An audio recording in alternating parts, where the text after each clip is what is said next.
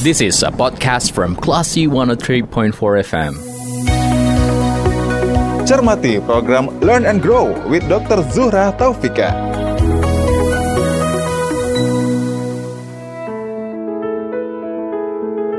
Dari Bumi Karang Putih Darung Padang, 103.4 Kelas FM, this is the actual radio. Assalamualaikum, Classy People, apa kabar? Saya Lia Priyanka, hari Selasa waktunya kita mencermati program Learn and Grow with Dr. Zuhra Taufika. Jadi seperti biasa ngobrol-ngobrol nih sama Dr. Vika ya, dan mudah-mudahan ada informasi, ada inspirasi, ada sesuatu yang positif yang bisa Anda bawa dari obrolan saya dengan Dr. Vika. Kali ini topiknya adalah stunting si public enemy. Topik ini kita kita sesuaikan dengan peringatan Hari Gizi Nasional 2023 uh, yang fokus atau concern ke pencegahan stunting. Assalamualaikum Dokter Vika. Waalaikumsalam. Kabar baik ya dok ya? Alhamdulillah. Semoga classy people juga selalu baik dan sehat. Amin. Selalu baik, selalu sehat, selalu semangat untuk memberikan yang terbaik lah kepada keluarganya dan bisa mengambil sesuatu yang positif dari obrolan kita setiap hari Selasa. Dan Dokter Vika, kita kita ngomongin soal stunting si public enemy yang diangkat sebagai tema di Hari Gizi Nasional 2023 concern kepada pencegahan stunting. Tapi kita mau ini dulu barangkali minta semacam penjelasan pencerahan dari Dr. Vika apa sebetulnya esensi Hari Gizi Nasional, kenapa pemerintah membuat momen ini untuk kita semua dan lebih banyak lagi penjelasan mengenai tema di HGN 2023 ini. Silakan Dr. Vika. Jadi Hari Gizi Nasional nasional merupakan suatu momentum ya, artinya suatu waktu di mana di momentum ini atau di kesempatan ini dilakukan upaya-upaya untuk menggalang kepedulian dan komitmen bersama dari masyarakat Indonesia untuk membentuk gizi Indonesia menjadi semakin baik. Dan untuk tahun 2023 ini tema yang diangkatkan yaitu cegah stunting dengan protein protein hewani. Dengan pesan kunci, protein hewani setiap kali makan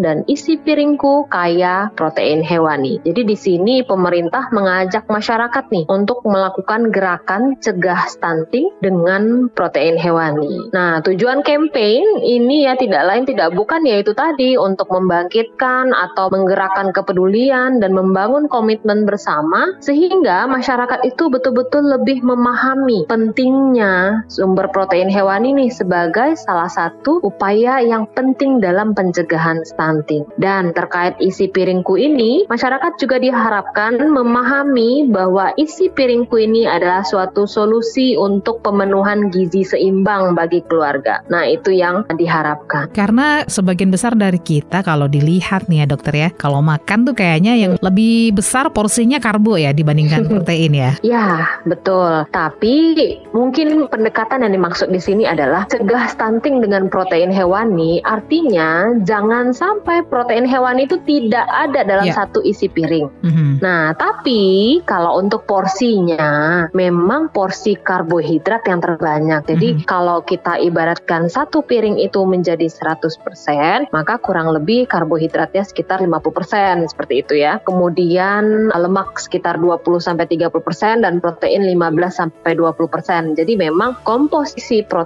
protein dalam satu isi piringku memang tidaklah yang paling banyak atau tidak mendominasi seperti halnya karbohidrat. Karena kita ingat bahwa karbohidrat adalah sumber energi utama. Ya. jadi memang dia yang paling dominan. Namun sumber hewani harus ada begitu. Oke itu suatu keharusan ya. Jadi di garis bawahi di 2023 ini HGN memprioritaskan campaign untuk mengkonsumsi protein hewani untuk pencegahan stunting ya dokter Vika ya? Stunting, iya. Okay. Jadi protein hewani harus ada setiap kali makan. Kemudian isi piringku kaya akan protein hewani. Karena kadang-kadang kan sumber protein kan macam-macam ya. Mm -hmm. Ada hewani, ada nabati. Yeah, yeah. Nah, karena ini itu takut ini itu akhirnya misalnya nih takut kolesterol, akhirnya protein hewani nggak dikasih gitu kan. Padahal itu anak-anak yang masih dalam masa pertumbuhan. Nah, seperti itu. Jadi campaign ini ya berusaha untuk meningkatkan dan memberikan pemahaman kembali kepada masyarakat masyarakat bahwa sumber protein hewani itu penting loh, bahkan berperan penting juga untuk mencegah stunting. Hmm. Jadi kalau kita bikin di media sosial nih, kalau mau campaign nih, misalnya masyarakat nih, classy people semua mau ikutan nih minimal ya bikin tagar nih di medsosnya. HGN 2023, terus tagar cegah stunting itu penting dan tagar isi piringku. Jadi ini adalah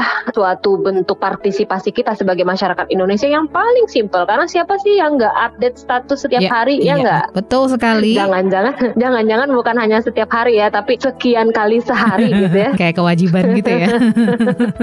Kayak ada yang kurang aja Gitu. kalau nggak upload. Nah, jadi Ah, ah. Ya, memanfaatkan kenarsisan sebagian besar dari kita untuk ikut mengkampanyekan sesuatu yang benar, sesuatu Ya, yang betul baik sekali. begitu. Nah, kalau kita ke uh, istilah stuntingnya, Dr. Vika. Ya, Hampir semua pendengar kita, hampir semua masyarakat Padang atau Sumatera Barat barangkali sudah sangat familiar, sudah sering mendengar istilah stunting. Tapi kalau kita telah lebih dalam lagi, benarkah faktanya kita sudah benar-benar paham dengan stunting itu atau sebetulnya ya kita tahu istilahnya aja, tapi kita nggak tahu nih detailnya tuh stunting seperti apa, pencegahan dan segala macamnya. Ya, jadi uh, memang pada saat ini alhamdulillahnya se apa ya sebagian besar masyarakat tuh sudah lebih mengetahui ya hmm, dengan istilah stunting. Ya minimal akrab lah. Jadi kalau kita menyinggung istilah stunting sudah aware, sudah nyambung.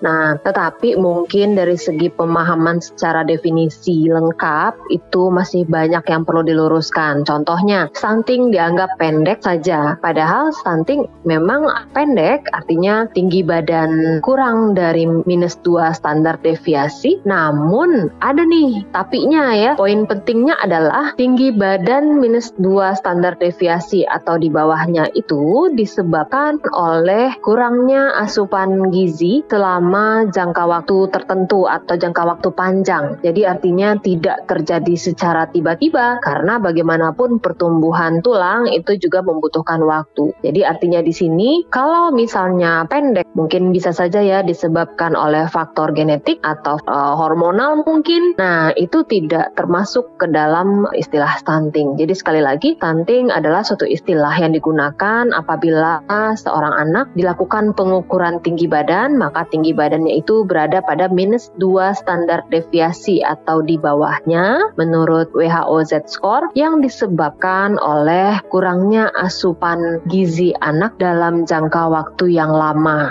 gitu. Hmm, Secara sederhananya bisa kita simpulkan misalnya pendek, kurus, kemungkinan besar adalah stunting begitu Dokter Vika? pendek dalam jangka waktu yang lama akibat kekurangan nutrisi gitu. Jadi Hmm. Pendek yang akibat malnutrisi kronik gitu ya. Tapi bisa jadi si anak ini tetap aktif begitu ya Dokter Vika. Kadang-kadang kan orang tua tuh suka, oh anak saya aktif kok walaupun dia kurus, walaupun Iya, dia iya, pendek, betul, misalnya betul. gitu. Jadi memang uh, parameter yang digunakan dalam pengukuran atau penilaian stunting ini adalah tinggi badan. Kalau kurus itu kan proporsi tubuh ya. Iya, iya. Artinya berat badan per tinggi badan seperti itu ya. Tetapi kalau ini adalah tinggi badan menurut usia. Jadi Hmm. apabila nih anak kita temukan yang satu umurnya 8 tahun, yang satu lagi 8 tahun, tapi Hmm. kenapa ini Jauh lebih gitu. pendek ya Hmm. dibandingkan ini gitu ya. Teman Nah, seusianya. kemudian ketika kita lakukan ya pendataan atau plotting di grafik WHO-nya ternyata berada di minus 2 standar deviasi. Nah, akhirnya itulah yang kita telusuri. Kenapa ya seperti ini? Nah, ketika dalam penelusuran itu kita bertemu dengan masalah gizi di mana misalnya anak ini oh ternyata pada masa sebelumnya ya terutama di masa balita berat badannya susah naik atau naiknya tidak sesuai dengan target seharusnya. Nah, artinya mengalami suatu masalah kekurangan gizi yang kronik atau dalam jangka waktu yang lama. Nah, itulah yang nanti akan berimpact atau berefek terhadap kejadian stunting. Seperti judul yang kita angkat kali ini, stunting si public enemy Hmm. untuk Kota Padang. Apakah memang stunting ini sudah menjadi public enemy? Eh, bagaimana dari temuan ataupun fakta yang Dokter Vika lihat sebagai praktisi di lapangan? Ya, kalau untuk pendapat masyarakat mengenai bahwa apakah stunting ini sudah menjadi musuh nih, iya sudah. Karena masyarakat sudah aware, sudah cukup ngeh bahwa ah, ini perlu nih kita waspadai. Bahkan kadang-kadang ketika mm, masyarakat itu berkunjung ah, dalam suatu sesi layanan kesehatan ataupun sesi parenting ataupun sesi edukasi, itu mereka sudah bisa menanyakan, dok, jangan-jangan anak saya stunting Hmm, atau iya, iya. apa sih uh, yang harus saya lakukan supaya anak saya tidak mengalami stunting. Nah, Padahal mungkin pada saat itu, momen itu, mereka hanya berkunjungnya untuk hal yang lain. Misalnya Oh, oke. menanyakan perkembangan anak Iya, iya. atau menanyakan hal lainnya gitu. Tapi mereka sudah cukup waspada akan masalah stunting ini seperti itu. Tapi ya itu masih terbatas dalam hal sikap menunjukkan tidak setuju, kemudian pengetahuan bahwa stunting merupakan suatu hal yang tidak baik dan perlu dicegah. Namun kalau untuk aplikasinya, nah ini yang masih menjadi PR bagi kita bersama. Makanya di dalam kampanye HGN 2023 ini isi piringku. Karena kenapa? Karena isi piringku ini adalah suatu bentuk aplikasi sederhana yang bisa dilakukan oleh setiap rumah tangga dalam upaya pencegahan stunting. Artinya bagaimana penyuguhan zat gizi dalam satu isi piring pada waktu satu kali makan kepada setiap anggota keluarga terutama anak-anak dalam masa pertumbuhan. Oke. Termasuk ibu hamil, ibu menyusui. Oke, nanti kita akan bahas isi di sesi yang berbeda. Eh, dokter, apakah dokter punya data berapa angka stunting di Sumatera Barat atau di Kota Padang? Mungkin data terakhir itu masih dikategorikan sebagai moderate ya, kalau saya tidak salah, sekitar di bawah 30 persen. Di Padang atau Sumatera Barat? Tapi target yang diharapkan Sumatera Barat Oh, itu Sumatera Ah. Barat. Oke. tahun 2019 ya kalau saya tidak salah. Mhm. Tapi kalau untuk data terbaru mungkin masih perlu kita telusuri lagi. Namun targetnya memang bagaimana caranya angka stunting menjadi di bawah 14 persen. Untuk tahun 2003 dan seterusnya. Iya, artinya itu yang Oke. menjadi apa goals ya Iya, target kita bersama yang ingin kita capai. Oke, baik. Dan kelas FM berpartisipasi senang sekali bisa ikut mengkampanyekan untuk pencegahan stunting ini kelas people. Jadi yang kita harapkan dari obrolan saya dengan Dokter Vika itu bukan sekedar obrolan yang kemudian lewat begitu saja ya dok, tapi kita bisa langsung aplikasikan dari uh, sharing yang dokter berikan kepada kita semua ya. Oke, Ya. Dokter Vika kita break dulu. Nanti kita akan sambung di sesi yang kedua. Untuk Anda, Klasi People tetap di 103,4 Klasi FM. Learn and grow with Dr. Zuhra Taufika.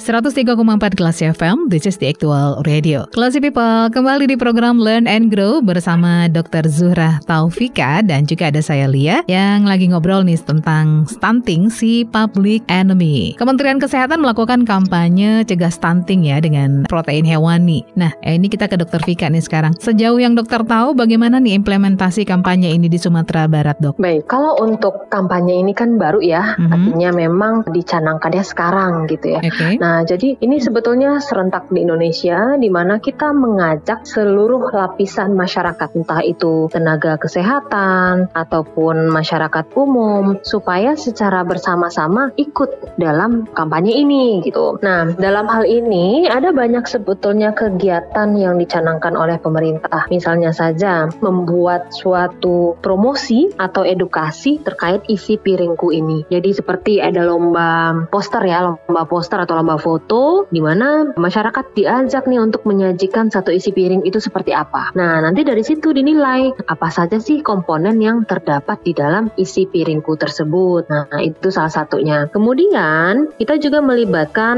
gerakan bersama dengan Posyandu. Jadi misalnya, Posyandu kita tahu bahwa Posyandu itu merupakan suatu pos pelayanan terpadu yang merupakan fasilitas kesehatan layanan masyarakat yang menjangkau masyarakat-masyarakat supaya nanti ikut menggerakkan status gizi di tengah komunitas. Jadi apa sih yang yang biasanya kita ajak ya di Posyandu itu? Nah, salah satunya juga termasuk meningkatkan pengetahuan sikap dan perilaku masyarakat dalam rangka pemenuhan gizi ini dengan isi piringku. Jadi kita berikan lagi edukasi. Kemudian kalau di Posyandu ada namanya kader. Nah, kader itu nanti yang akan melakukan demonstrasi isi piringku yang didasarkan pada bahan makanan lokal. Artinya apa? Kita kembalikan nih kepada masyarakat tersebut berasal dari mana, kemudian apa bahan pangan lokal yang ada di sana, yang tentunya mudah diakses dan tentu secara ekonomis murah ya. Nah, nanti kader itu akan memberikan demonstrasi contoh, nah itulah yang nanti akan ditiru oleh masyarakat. Nah, kemudian aktivitas lainnya ya bisa jadi seperti di Car Free Day ya. Mhm. Car Free Day ada Ya. demo masak, artinya kalau tadi mungkin di Posyandu itu skopnya skop daerah kecil ya. Nah, kalau di Car Aslinya itu lebih besar lagi, mungkin ada di satu kota atau di satu kabupaten. Nah, di situ ada talk show, ada seminar. Nah, termasuk nih yang paling marak lah, sosial media campaign. Jadi dengan membuat tagar ya, seperti yang saya sampaikan di awal tadi. Nah, kemudian dengan sosial media ini kita berharap sasarannya pun bisa lebih luas. Dan yang perlu diperhatikan tidak hanya anak ya, tapi juga ibu hamil, kemudian ibu menyusui, bayi, balita, keluarga, dan tenaga kesehatan, dokter, bidan, perawat, dan promosi kesehatan. Nah, di dalam sosial media campaign inilah dilibatkan seluruh stakeholder, entah itu komunitas masyarakat ibu dan anak, kemudian ada ormas-ormas atau LSM tertentu yang memang lebih cenderung bergerak di bidang kesehatan ibu dan anak. Nah, kemudian bisa juga nih humas, dinas kesehatan, dan mitra-mitra perusahaan yang memang kecenderungan atau passionnya itu di bidang kesehatan ibu dan anak begitu. Oke, ini kampanye isi piringku konteksnya untuk isi piring balita, usia balita. Nah, isi piringku ini uh, mencakup dari isi piring bayi, balita, kemudian anak, kemudian ibu hamil. Jadi dia kompleks semuanya. Hmm, jadi tidak hanya usia balita ya? Jadi enggak, ya. Jadi tidak hanya itu seperti itu. Bahkan kan dewasa juga begitu. Artinya untuk seluruh lapisan masyarakat itu memiliki komponen komposisi isi piringku tertentu. Nah, di situlah kita mengajak seluruh lapisan masyarakat untuk bisa berpartisipasi. Oke, menurut Dokter Vika sudah maksimal belum sih peran masyarakat, peran kader juga barangkali untuk mengkampanyekan hal ini dan mencegah stunting? Kalau kita bicara sudah maksimal atau tidak tentu harus ada parameter sih ya. Tapi Oke. kalau menurut saya eh, jangan pernah ada kata puas. Mhm. Jadi mengingat target dari penurunan angka stunting itu kan untuk saat ini kita ingin mencapainya 14% ya atau di bawah itu. Sementara saat ini ya kalau di Indonesia tuh sekitar 24%. Artinya masih kurang dari 30% tetapi ya belum mencapai target. Nah, artinya apa? Selagi belum mencapai target dan tentunya itu juga akan berimpact ya terhadap generasi Indonesia di masa depan, maka tentunya kita jangan pernah berpuas diri dan tetap harus melakukan uh, social media campaign, harus tetap melakukan uh, edukasi-edukasi dan berbagi informasi di dalam bentuk apa pun kepada seluruh lapisan masyarakat. Entah itu kita sebagai tenaga kesehatan ataupun masyarakat umum. Jangan dikira misalnya nih, kalau saya sih biasanya tuh kalau bicara ya pada mahasiswa, kamu sebagai bagian dari masyarakat bisa loh berperan. Contohnya nih, kampanye anti anemia pada remaja putri. Nah, jadi karena apa? Karena remaja putri kan merupakan calon ibu. Calon ibu yang nanti penghasil generasi masa depan. Artinya, kalau para remaja itu juga bersatu dengan peer groups-nya, kemudian melakukan edukasi informasi yang baik mengenai pencegahan stunting, bahwa ternyata cegah stunting bisa loh oleh remaja putri. Nah, tentu kita akan mendapatkan impact yang lebih besar. Nah, kalau sekarang kan seolah-olah nih cegah stunting ini oleh kalangan ibu-ibu ya. Iya, iya. Nah, artinya karena ibu-ibunya udah punya anak, Ibu-ibu nah nakes gitu dia ya. takut anaknya, ya anak-anaknya stunting, makanya dia ikut kampanye. Padahal Iya, iya. tidak. Jadi remaja pun kita juga udah harus libatkan. Karena apa? Karena memang mereka juga berperan dan sebetulnya sih ini sudah masuk ke kurikulum pendidikan kan. Hmm, ya. Artinya isi piring itu sudah diajarkan sejak TK malah. Kalau Hanya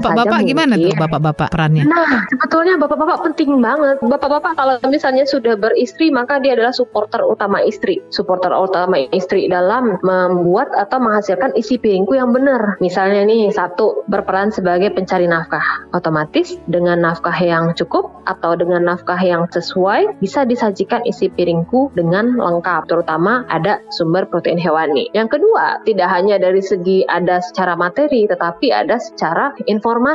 Jadi jangan sampai materinya cukup atau bahkan berlimpah, tetapi isi piringkunya tidak tepat. Contohnya, kebanyakan tidak mengonsumsi protein hewani atau protein hewaninya tidak setiap kali makan Hmm, seperti itu. hmm. Otomatis itu juga mengurangi kesempatan dari keluarga untuk melakukan upaya pencegahan stunting. Nah, kemudian bapak-bapak juga bisa uh, memberikan support utama nih bagi ibu yang lagi hamil dan ibu menyusui, terutama secara psikologis ya, membahagiakan perasaan istrinya, kemudian mendampingi istrinya mungkin kontrol kesehatan dan menciptakan kebahagiaan ya secara psikologis sehingga ibu pada saat hamil secara mentalnya sehat, makannya enak. Kalau sudah seperti itu, kita harapkan pertumbuhan dan perkembangan janin di dalam kandungan itu bagus. Nah, begitu juga deh ibu menyusui gitu. Dok ini saya pernah baca ya, tapi saya nggak tahu apakah ini masih terjadi di zaman sekarang. Dulunya kalau bapak-bapak itu dia selalu mendapatkan porsi yang terbaik, porsi yang terlengkap, di nomor satu kan. Misal kalau ada ikan tuh buat Mm-mm. Bapaknya dulu nih. Hmm, Nanti sisanya atau mungkin yang yang potongan-potongan kecilnya baru buat istri dan anak misalnya gitu. Saya pernah baca begitu dulunya. Banyak masyarakat yang melakukan Mm-mm. hal seperti itu. Nggak tahu nih kalau sekarang ya. Nah ini yang harus diluruskan juga atau yang harus di, dikampanyekan juga barangkali dokter ya. Iya, itu yang paling penting juga karena mungkin dulu karena kita kebiasaan masyarakat ya sangat menghargai posisi ayah gitu ya dalam keluarga sehingga mungkin lauk pauk utamanya untuk ayah. Iya. Padahal yang si ayah tentu tidak dalam masa pertumbuhan lagi. Yang dalam masa pertumbuhan tentu adalah bayi dan balita seperti Hmm. itu. Nah, sehingga ketika seorang pria atau para ayah itu paham bahwa pertumbuhan anak itu penting, kemudian kesehatan ibu hamil itu penting, kesehatan ibu menyusui itu penting, maka dia akan berupaya membantu isi piringku dengan benar. Ya betul. Mudah-mudahan kesadaran itu semakin kuat lah ya di masyarakat kita ya dokter ya. Nah, Oke dokter. yes, Ini amin. kan kampanyenya ke protein hewani, ya kan? Sementara seperti yang dokter Mm. bilang kan protein itu bisa juga nabati. Ini kenapa nabati tidak Hewani. diikut sertakan di kampanye ini? Sebetulnya bukan tidak diikut sertakan ya. Oke, salah bahasanya ya. diutamakan ya. Salah ya artinya gini, ya. kalau misalnya tidak diikut sertakan nanti dikira oh berarti nggak apa-apa nih nggak konsumsi nabati. Ah, Bukan. ah. Jadi memang secara kandungan gizi protein hewani itu mengandung asam amino yang lebih lengkap dibandingkan dengan protein nabati. Itu pertama. Yang kedua, di samping asam aminonya yang lengkap, dia juga mengandung asam amino esensial. Artinya asam amino yang memang tidak bisa dibentuk oleh tubuh dan hanya bisa didapatkan dengan mengonsumsi makanan tersebut. Dan termasuk juga vitamin, mineral. Misalnya ini contoh zat besi. Zat besi itu kan sangat-sangat penting sekali untuk kecerdasan, untuk saraf dan segala macam. Nah, itu didapatkan sumber utamanya berasal dari protein hewani. Nah, bagaimana nanti dengan posisinya nabati? Nabati tetap dikonsumsi dan dianjurkan untuk konsumsi. Hanya saja yang hewani ini lebih diprioritaskan dan harus ada setiap kali makan. Karena menurut beragam penelitian, dia membantu untuk optimalisasi dari tumbuh kembang seperti itu. Jadi itulah mengapa si protein hewani ini sangat dianjurkan untuk ada di setiap kali makan. Jadi kalau misalnya makan tiga kali sehari, maka tiga porsi protein hewani. Karena terkadang alasannya adalah harga yang protein hewani ini memang lebih mahal, Mahal. ya dibandingkan harga protein Hmm. nabati ya dokter ya. Nah ini Iya, bagaimana iya, betul. mensikapinya? Kalau kita bicara harga, berarti nanti kita bicara tentang faktor ekonomi ya. Ya. Mungkin kita bisa melakukan manajemen keuangan dalam rumah tangga. Artinya harus ada skala prioritas. Contohnya dalam pengaturan jajan deh. Mhm. Mungkin dibandingkan jajan, ya lebih baik menabung untuk protein hewaninya. Beli ayam, Atau- ikan gitu ya. Ah, beli ayam, ikan atau telur. Telur Jadi kalau telur sih ya. memang ya dibandingin harga dulu ya, Mhm. dibandingin harga dulu sekarang sudah 2000 per butir ya. Iya betul. Nah, itu salah satunya. Artinya kalau dibilang itu sangatlah mahal, relatif. Coba kita bandingkan dengan satu buah mangga. Iya. Nah, Betul. Satu kilonya gitu kan. lebih, misal satu buah, deh. Buah, Satu hah. buah itu sekitar berapa ya? Delapan Sepuluh ribu mungkin? Nah, Oke. Hmm. Atau 8 ribu gitu ya. Sementara dapat dong 4 sampai 5 butir telur. Dapat. Ya dapat dong Nah, pastinya ya. artinya di situ kita mencoba melakukan skala prioritas dalam pengaturan keuangan rumah tangga atau jajanan. Jajanan beli A, beli B, beli C gitu ya. Mhm. atau minuman kekinian. Nah, Nah, beli kan- teh aja deh, beli Iya, teh iya. ya, beli teh gelas ya. Iya, nah, iya, teh di iya. gelas itu kan harganya 5.000 ya. Iya betul. Atau 3.000 sampai 5.000 lah. Iya, kalau misalnya kita setarakan dengan si telur yang 2.000. Nah, Dapat coba. dua ya. Ah, atau makanan kekinian atau bahan pangan kekinian yang katanya meningkatkan kalori. Iya iya. Apa ya contohnya? Minyak ya. Iya, minyak ini, minyak itu, atau beli ini, beli itu, atau makanan kemasan mungkin. Nah, artinya saya tidak bilang bahwa protein hewani itu murah, tentu tidak. Tetapi murah atau mahal sekali lagi itu menjadi ukuran yang cukup relatif dalam kacamata seseorang. Nah, sekarang karena dalam kampanye ini kita berupaya sekali bahwa isi piringku harus ada protein hewani. Otomatis apa sih yang perlu kita lakukan? Apakah kita mungkin akan berhemat untuk membeli pakaian gitu ya atau kita berhemat untuk sesuatu yang berbau fashion atau mungkin menggunakan kuota jangan berlebihan ya untuk Mhm. nontonin Iya, TikTok gitu ya. Iya iya. Ya artinya itu salah satunya ya. Artinya kalau misalnya mau nonton ya dimanfaatkanlah wifi wifi yang tersedia secara gratis mungkin. Iya. Nah artinya bagaimana cara kita mengatur itu semua. Satu Nah, lagi dok, satu lagi nih, lain- ya. yang paling penting, Hmm? Uh, rokok bapak-bapak. Aduh. nah ini nih Itu tuh. ini apa ya yang menyebabkan kantong bisa bolong tanpa kayak vampir ya, tanpa penghisap ya, gitu ya. penghisap keuangan ya. Penghisap ya. Nah, dia menghisap keuangan tetapi katanya sih kalau nggak begitu tuh nggak muncul ide. Nggak tahu Nah, juga sih. saya mungkin letaknya agak agak kontroversi gitu ya. Apa iya gitu kan? Kalau kayak begitu gimana dong? Yang pada muncul ide apakah harus melakukan aktivitas merokok? Nah, kan nggak begitu juga. Enggak ibu-ibu aman-aman aja tuh tanpa rokok.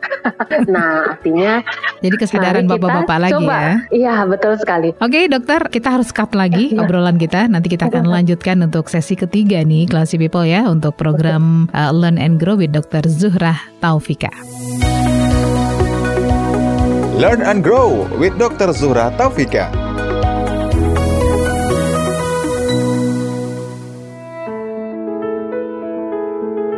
103,4 Kelas FM, this is the actual radio. Classy People, kembali di Learn and Grow with Dr. Zuhrah Taufika. Ada saya Lia juga dan topik kita kali ini adalah stunting si public enemy. Anda bisa mencermati semua program Kelas FM, rekamannya dalam bentuk podcast, termasuk juga program Learn and Grow. Anda cukup download aplikasi Kelas FM, boleh di Play Store, boleh di App Store ya. Kemudian masuk ke aplikasi dan pilih podcast program yang ingin Anda dengar kembali. Barangkali nggak dengar nih obrolan saya dan sama Dr. Vika dari awal. Jangan khawatir, Anda tetap bisa menyimaknya dalam bentuk podcast. Bisa juga masuk ke www.kelasfm.co.id.